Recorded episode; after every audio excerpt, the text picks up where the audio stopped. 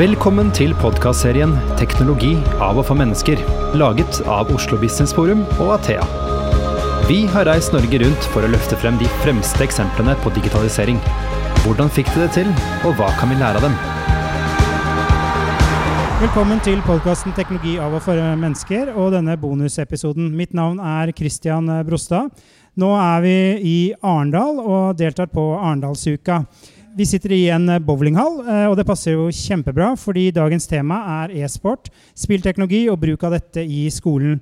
Vi har med oss eh, fantastiske gjester. Først og fremst statsråd Trine Skei Grande, som er kultur- og likestillingsminister og spillentusiast. Og så har vi med oss Steffen Willumsen, som er kommersiell sjef i e-sportklubben Nordavind DNB. Og til sist eh, Grunde Almeland, som er stortingspolitiker fra Venstre, og en spillentusiast også. Eh, vi skal jo ikke bare prate. Eh, vi skal jo spille. Vi har eh, fire maskiner der borte etterpå, så jeg gleder meg til å se. Har dere øvd i sommer? Nei, jeg har, aldri, jeg har aldri spilt Fortnite, fordi at jeg stoler på at Grunde skulle lære seg det nå. Så alt som er spilt på mine konsoller Fortnite, er det nok, må jeg nok ikke fortelle til foreldrene, men det er nok min grandnevø på åtte som har spilt det, for det vet han at han ikke får spille når mamma og pappa ser på. Men hun derre bestetante er litt mer jovial på dere med aldersgrensa. Ja. Mm. Det skrives jo mye om e-sport, og vi har jo en fersk verdensmester i Fortnite Duo. Så jeg tenkte, hvis du litt kunne si hva er egentlig e-sport, når vi snakker om det? Mange som liker å sette likhetstegn mellom gaming og e-sport. Det er samme greia. Men gaming kan gaming setter seg hele veien fra Candy Crush til Fortnite til egentlig alle slags videospill. Det er rekreasjon og det er kos. Skal vi trekke en idrettsparallell, så er det fotball på løpet. E-sport er en subgrein av gaming som for all tid og har en mål og mening. og du, du jobber for å bli bedre mot et kompetitivt mål. Uh, så e-sport kan enkelt defineres med det er konkurranseretta dataspilling innenfor organiserte rammer. Mm. Det har jo blitt voldsomt populært, både på økonomien i det, det er masse penger i det nå. Litt profesjonalisering er det vel også. Enormt mye publikum. Det er jo flere millioner som ser disse matchene. Hvorfor har det blitt så populært? Jeg kommer en lang vei, da. 90-tallet, går vi, går vi tilbake til 90-tallet da jeg med det her, så datasalging generelt var sett på som en nerdeaktivitet og mye stigma som henger igjen på den tida. Um, nå er jo gaming blitt for alle. Gaming er jo gøy, og det er blitt mainstream og mer akseptert i samfunnet sådan. Uh, og hvorfor det er blitt populært, det er nok flere faktorer. Én ting er nok den teknologiske utviklinga som dreier seg om i samfunnet, som toucher absolutt alle. Uh, og en annen ting er nok at de som først var eksponert for gaming, 70-tallsgenerasjonen som vokste opp med Commodore og Atari og litt sånt, de er jo først og fremst blitt foreldre og barn som aksepterer at gaming er helt greit, og du blir ikke blitt 50 gjennom å spille. Uh, og sist, men ikke minst at de er kommet i, i uh, posisjoner som også beslutningstagere i næringslivet, i det offentlige, som gjør at de kan pushe fram det her som en helt legitim aktivitet. Ja, det, det, som også er viktig å tenke på med gaming, er jo at det er eh, lett tilgjengelig. Det er, noe, det er, et språk som eh, man snakker på tvers av ja, faktiske språk. Man eh, spiller gjerne samme spill uansett hvor man er i verden. Og alle kan eh, mer eller mindre delta i dataspillverden. Altså Uansett om du sitter i rullestol eller om du er proff eh, fotballspiller, så kan du også spille data. Og det er noe med den tilgangen til en sånn fellesarena som er ganske unikt med dataspill. Eh, og Trine, dere er vel det eneste partiet som eh, jobber for å anerkjenne e-sport som offisiell idrett? Ja. ja, og vi jobber jo med det i departementet òg. Vi jobber nå med en, med en strategi knytta til spill. Og så vil jeg jo si at det, det, er stor forskjell på det som vi ser som er sånn topp, toppidrett, og som trenes som toppidrett, kontra det som jeg mener er folkehelse da, for oss andre, eh, som er veldig mye lavere. Og det er jo vi kjerringer over 40 som spiller mest. Og det er ikke tull engang, det er bare at vi tenker ikke over at det er det vi gjør. eh, vi bare holder på med mobilen, og vi ja, vi gjør forskjellige ting som vi da har lasta ned på en eller annen app, uten at vi tenker over at vi spiller, og så kjefter vi på ungene våre for at de spiller for mye når, vi, når det blir senere på kvelden. Eh, så, så, det å jeg er opptatt av å anerkjenne dette som et kulturuttrykk, som et kunstuttrykk, som en fritidsaktivitet. Og Vi på å lage også en stortingsmelding om barne- og ungdomskultur. Og det som har slått meg når jeg reiser rundt i landet og møter barn og unge og diskuterer kultur, så snakker vi om bibliotek, og de to flinke jentene på første rad retter opp hånda og har masse meninger om bibliotek. Og så snakker vi litt om bibliotek, og da er, nei, om museum. Det er to andre flinke jenter som rekker opp hånda med en masse om museum. Og så spør jeg men hva mener dere om dataspill. Og så og da kommer guttene opp med hendene, og noen jenter. Så det er også viktig at flere jenter kommer inn i dette. Det er et likestillingsperspektiv. Det er flere, viktig at vi lager flere norske spill, for det er næringsmulighet. Det er viktig at vi har mer norsk språk. Når jeg og min grandnevø settes ned og skal spille sammen, så switcher han til engelsk. For det er spillspråket hans. Jeg vil at vi skal spille på masse forskjellige språk. Jeg synes supert at åtteåringen har lært seg engelsk, men jeg håper jo også at det er noen arenaer der språket vårt lever videre også innenfor dette. For dette er jo et typisk gutte, gutteaktivitet. Det er flest gutter som spiller. Hvis du ser på den sånn kjønnsfordelinga, så er det majoriteten er gutter, ja. Um, dog så er det økende både i e-sport og gaming generelt, så er det flere jenter som begynner med det. Det blir ansett som sosialt akseptert. Og Jeg hadde en diskusjon med Rune Menzoni, som er forsker på Universitetet i Bergen, om akkurat det her, som har forska på akkurat uh, hvorfor jenter ikke spiller like mye som gutter. Uh, Han anser at gutter og jenter spiller like mye fram til de blir tolv år, og så skjer det noe, og så dropper jentene av. og De som har ennå bredere for gaming, de begynner på igjen så fort videregående over. og Det er litt interessant, for det er en sosial mekanisme der som, som gjør at jentene faller fra. og noe som bør bedres på med årene som kommer. Eh, det til sides eh, så har vi de siste årene sett flere og flere jenter som hevder seg på det internasjonale nivået i e-sport. Eh, og har flere nå jenter i utlandet som, som, konkurrerer på det øverste nivået av diverse spill. Og det er mer av det. Det er jo stadig flere skoler som bygger e-sportrom, de har e-sportlinjer osv. Hvis vi skal trekke e-sport og gaming inn i skolen, hvorfor, hvorfor skal vi gjøre det? Hva er viktig med det? Det er, to, det er to forskjellige ting. Å ha e-sport inn og det å, å ha gaming inn. E-sport handler jo om at vi skal kunne ha konkurrert, sånn som vi gjør på alle andre viktige uh, arenaer. Og da må vi også dyrke fram de beste her. Så da må vi ha, ha topp, toppidrettslinjer som vi har på mange andre områder. Uh, og at også den spillkompetansen er også konverterbar til veldig mange andre arenaer i samfunnet. Uh, en ting er liksom at um, Når vi skal nå kjøpe jagerfly, nye jagerfly, så vil nesten all Jeg tror ikke jeg røper noe statshemmelighet når jeg sier at nesten all teknologien som er ny, ligger i hjelmen til de jagerflypilotene. Og den kompetansen de bør ha, det er å ha muligheten til å prosessere mange lag med informasjon ut i fingerspissene til handling. Høres det litt kjent ut? Ja. Um, og så bruker jeg et eksempel. Jeg var i Hardanger på et bitte lite sagbruk her for noen dager siden. Og så kommer jeg inn der og tenker at dette er lavkompetansearbeidsplasser med lav utdanning. Nei, det er tull. Der sitter to gutter. Det kommer en stokk rullende inn, og i løpet av sekunder så skal de vurdere hvordan den skal kuttes for å maksimere inntjeninga på den stokken. Og det sitter de med to joysticks og gjør. Så det er klart at gamingkompetansen er kompetanse som kan konverteres til veldig mye andre deler av, eh, av samfunnet. Så, så, det trenger vi å ha med oss. Det andre aspektet som jeg syns er viktig, at det er jo noe som, som dataspill trigger hos oss. Som Gud hjelpe meg, mange lærere og lærebokforfattere hadde hatt godt av å lære litt av. At vi klarer å konvertere de triggerne også inn i læring mener jeg er et kjempepotensial. Når jeg reiser rundt til forlag nå, så sier jeg alle forlagene må ansette eh, folk som kan å bygge dataspill. For den, eh, det å finne disse driverne også inn i andre deler av samfunnet tror jeg blir viktig for å klare å ja, både klare å gjøre det relevant for unger i den hverdagen de skal ut i, men også at vi mister mange, opp, mange sånn muligheter for å lære unger mer. Fordi at du kunne ha brukt den triggeren som eh, som spillene klarer å ha, inn også i læringsprosesser.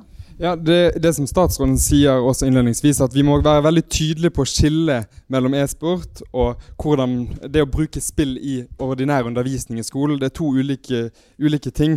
Eh, og når det kommer til spill i undervisningsøyemed, så tror jeg vi må bli flinkere til å se på spill litt sånn som vi ser på film, sånn som vi ser på litteratur. At det er et virkemiddel også for å kunne lære noe mer i de ulike fagene. Eh, det er flere skoler som nå har ansatt egne spillpedagoger nettopp for å ta i bruk spill som et nyttig virkemiddel for å lære ungdommer. Jeg var sjøl på en skole utenfor Stavanger eh, og så hvordan de hadde løst dette. Og Der hadde de startet da, med å eh, få alle lærerne til å laste ned My Child Lebensborn, som er et veldig bra spill som, som har vunnet internasjonale priser, norskprodusert spill. Eh, og at de skulle gå gjennom det å spille det spillet i hjemmelekse, lærerne. da. Og på den måten også få lærerstanden med på å forstå hva spill faktisk kan gjøre for å lære noe, og være et verktøy for, for læring. da. Og det, der, De er med også i et europeisk, europeisk, prosjekt nettopp for hvordan man kan bruke spillpedagogikk aktivt i skolen. Hvordan man kan bruke Civilizations, mitt favorittspill, som er et historiebasert strategispill, inn i historieundervisning, f.eks. Og det er så mange måter å bruke spill på dersom vi får de folkene som er kompetente på det, er pedagoger som også kan spill, får de inn i skolen og klarer å heve undervisningen og klarer å bruke spill på samme måte som vi bruker film og litteratur og alle andre, og musikk for den saks skyld. Ikke for å erstatte alle disse andre kulturuttrykkene, men for å være et virkemiddel som er up to date, som gjør at faktisk eh, ungdom også henger med i undervisningen, og undervisningen faktisk er framtidsrettet og engasjerende for elevene. Så det er gaming veldig bra hvis man klarer å bruke det riktig inn i skolen. Og så er e-sport-biten e av det, den toppidrettssatsingen, den er også kjempeengasjerende. Eh, men den, den, må man se på som en annen bit enn det å ha spillpedagogikk. da. Eh, hvordan står det til i norske skoler på dette området? Veldig varierende. Ekstremt varierende. Jeg har besøkt, jeg tror første gangen jeg besøkte en videregående skole som brukte spill konsekvent i de fleste fagene som en del av pedagogikken, jeg tror jeg var sånn fem-seks år tilbake. Eh, men, men, mens noen fortsatt eh, ja, Noen skoler fortsatt har datarom. Det mener jeg er et symbol på at man ikke helt har klart å integrere ting i undervisninga. Og kompetansen er utrolig sprikende fra lærer til lærer. Men her mener jeg også at de som utvikler læremateriell, eh, trenger å legge dette til rette. Og jeg har blitt imponert mange ganger av hvordan lærere har klart å bruke også kommersielle spill som er laga til helt andre ting, inn i pedagogikken. Jeg snakka med en eh, som var lærer i tros og livssyn, som uh, brukte et ekstremt voldelig skytespill som de plasserte klassen sin inni. Og så kjørte de noen sekvenser, og så stoppa han spillet for å diskutere etiske dilemma med hvorfor skyter du den istedenfor den. Så han brakte hele etikkproblematikken inn i noe som jeg aldri, et spill jeg aldri hadde tenkt at vi ville ha diskutert etikk knytta til. Men, men klarte å engasjere klassen i, på en veldig effektiv måte. da med å først plassere dem i en situasjon, og så ta dem ut for å diskutere den situasjonen de hadde opplevd. Mm. Ofte når vi diskuterer gaming eller spill i skolen, så er det også knytta til eh, mestringsfølelse. Altså at eh, det favner opp elever som kanskje ikke har så godt utgangspunkt. Eh, er det en viktig For det er jo litt sånn skepsis til dette her, er det ikke det? Jo, og jeg opplever at Den skolen jeg nevnte utenfor Stavanger, det var jo nettopp det de også opplevde. Det først en skepsis blant uh, for, selvfølgelig foreldre, men først og fremst i lærerstaben. Fordi det er, no, det er noe nytt, det er noe helt fremmed. Og jeg tror at for, for veldig mange så eh, trenger man å bli overbevist og sette seg inn i å forstå hva spill faktisk er for noe, før man i det hele tatt blir overbevist om at dette er noe som kan brukes effektivt i skolen. Men, for, eh, men det er veldig mange gode eksempler på eh, initiativer utenfor skolen nett, med gaming som nettopp er der for å sørge for at man plukker opp de som faller utenfor. Fordi det skaper et Du, du skaper aksept om en interesse. Noe som har vært veldig viktig for meg i all den tiden jeg har jobbet med dataspill. Det at man faktisk anerkjenner folks interesse. Jeg pleier å, å, reise rundt Jeg har snakket mye med foreldre det siste, det siste halvannet året. Og det jeg pleier alltid å stille de, jeg pleier alltid stille dette spørsmålet. Og det er at Hvis sønnen din kom hjem fra fotballtrening, spør du da hvordan det gikk? Ja, det gjør man. Okay. Hvis datteren din har vært på en e-sportturnering eller har spilt en e-sportturnering online, spør du noensinne hvordan det gikk? Nei, det pleier de ikke å gjøre. Allerede der, Det er den første sånn holdningsendringen jeg mener man bør ta, da, ta det opp med å anerkjenne folk sine interesser og det de faktisk driver med, som noe verdifullt. Og så tar det ofte litt tid også for foreldre som aldri har vært borti dataspill, å forstå hva dataspill er, og det er også helt greit. Men jeg tror vi må starte med den anerkjennelsen. Og de programmene man da har, enten i tilknytning til skolen eller utenfor skolen, som anerkjenner folks interesser, og bruker de interessene for å klare å løfte de inn og gjennomføre en skolehverdag, det er jeg kjempepositiv til. Det, det, er gode tiltak som gjør at flere føler seg hjemme i skolesystemet. Og det er ikke så fremmed fra hva vi har gjort tidligere med musikk, sant? bandøvinger og denne type ting som drar folk inn og får de tilbake igjen i samfunnet, og ikke lar de sitte alene i kjellerstuen. Så det ja, dette er mye av det som gjør meg veldig opptatt av gaming og spill. Da. Er det noen spørsmål fra salen? Ja? Takk for sist for øvrig. Det er, det, er et, det er et skolefelt som jeg savner når vi snakker om gaming. Jeg heter Kristian Hagen, jeg er utviklingsrådgiver på Kristiansand kulturskole. Og vi skal nå jobbe med gaming i neste skoleår som kommer, for å sette i gang tilbud neste skoleår. Både e-sport, men også alle disse andre elementene av gaming, og kanskje særlig de kunstneriske delene. Mm. Altså Hvis noen uh, har spilt et spill som heter Everywhere, eller du kan se på et spill som Draugen, så er det mye kunst i spill. Uh, har dere tanker om kulturskolens rolle? Fordi vi snakker om grunnskolen, der er veldig mye lagt fra før. Vi er et skoleslag med 122 000 elevplasser, over 5000 ansatte, og det blir veldig sjelden inkludert i gaming og spillutviklingstanker, enten det er lydkontentum eller det er karakterutviklinger. Hva slags tanker har dere om å bruke kulturskolen for å jobbe videre med spillutvikling? Ja, Vi skal jo lage en egen stortingsmelding på barne- og ungdomskultur der kulturskolen skal være en del av det. Og Jeg håper jo at vi klarer å koble dette på. Og jeg, jeg, jeg mener at det er en del av den jobbinga vi trenger for å øke aksepten for dataspill i samfunnet, handler jo om den forståelsen av at dette er kunst. Dette er faktisk bra musikk. Dette er en, en, en pakke som inneholder veldig mange ulike kunstuttrykk. Eh, det var derfor vi i Kulturdepartementet bestemte oss for første gangen jeg skulle få lov til å sende ut julekort som kulturminister, så skulle vi bruke illustrasjon fra et norsk-laga spill som front på julekortet. Nettopp for å løfte at dette er både eh, kunst og det er en, en like verdig kunstuttrykk som, som alle andre.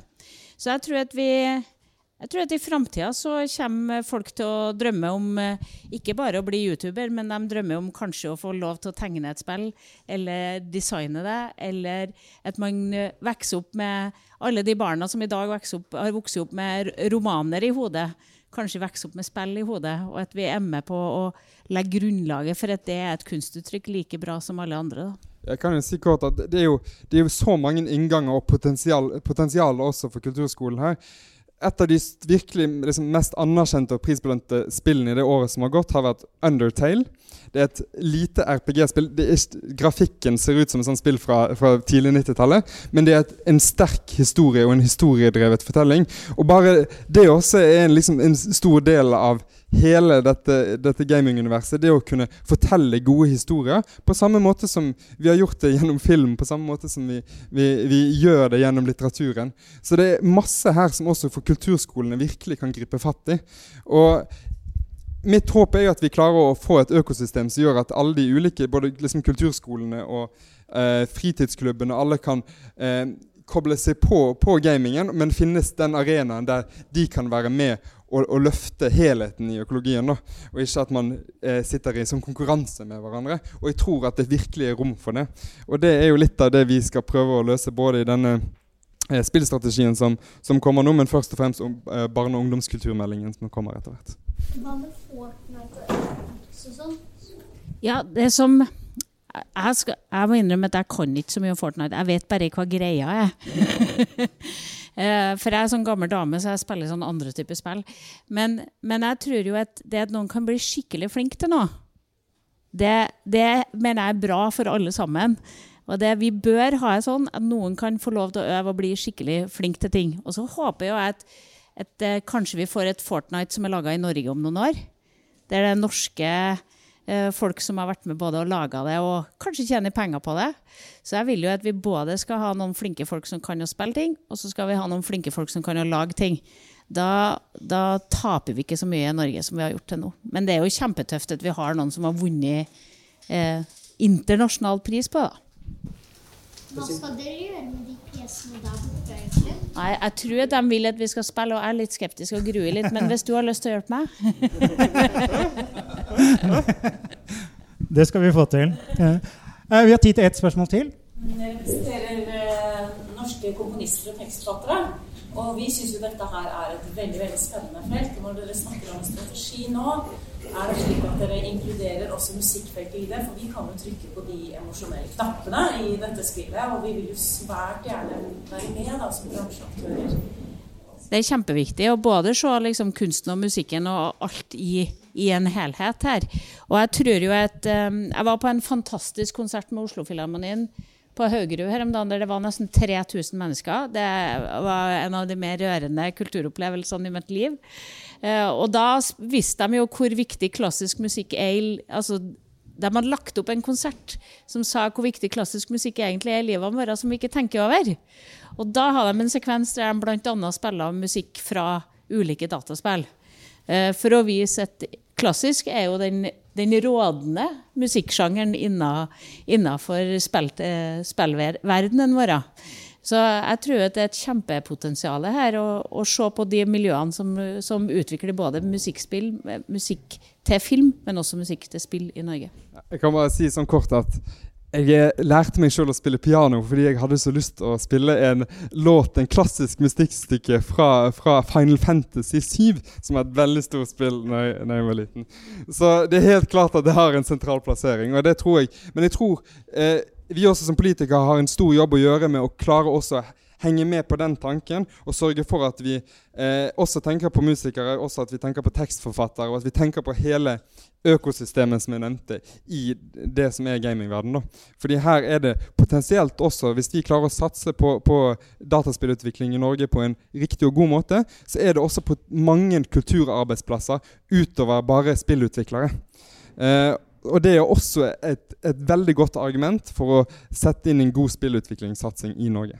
Kjempebra. Eh, da tror jeg vi eh, skal spille. Eh, og siden i hvert fall to av dere ikke er profesjonelle, eh, så tenkte jeg vi kunne få opp Det var en veldig snill måte å se det på. ja. Eh, kunne vi fått opp eh, Mats?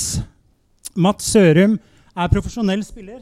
Jeg tenkte, Mats, hvis du kommer hit Fortnite. Hvis du kunne med få ord fortelle hva det er, for jeg tror ikke alle i salen kanskje vet hva det er. Nei, Hvis man skal enkelt forklare det, jeg vet ikke, kanskje alle har sett Hunger Games, eller filmer hvor det handler om å overleve i et område og være den siste som lever. Fortnite er litt samme greia. Du blir sluppet ut av en buss ut på et kart, og så er det begrenset hvor stort område du kan bevege deg på. Så handler det om å være den siste som lever. da. Det er på en måte det det går ut på. Er det et blodig spill? Det vil jeg ikke si. Nei. Eh, hvor mye er det du trener i løpet av uka? Hvor mange timer legger du ned i dette? Det kommer jo litt an på om man forbereder seg til turneringer eller ikke, men jeg vil si rundt åtte til ni timer kanskje daglig. Wow. Med noen dager pause. Ja. Wow, det er imponerende. Uh, er dere klare, eller?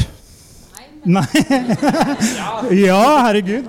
Uh, jeg tror uh, En applaus først. Vi tar applausen først. Du har nå lyttet til podkasten 'Teknologi av og for mennesker', laget av Athea og Oslo Business Forum.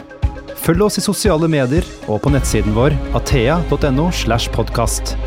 Vi setter utrolig stor pris på om du gir podkasten en vurdering i iTunes.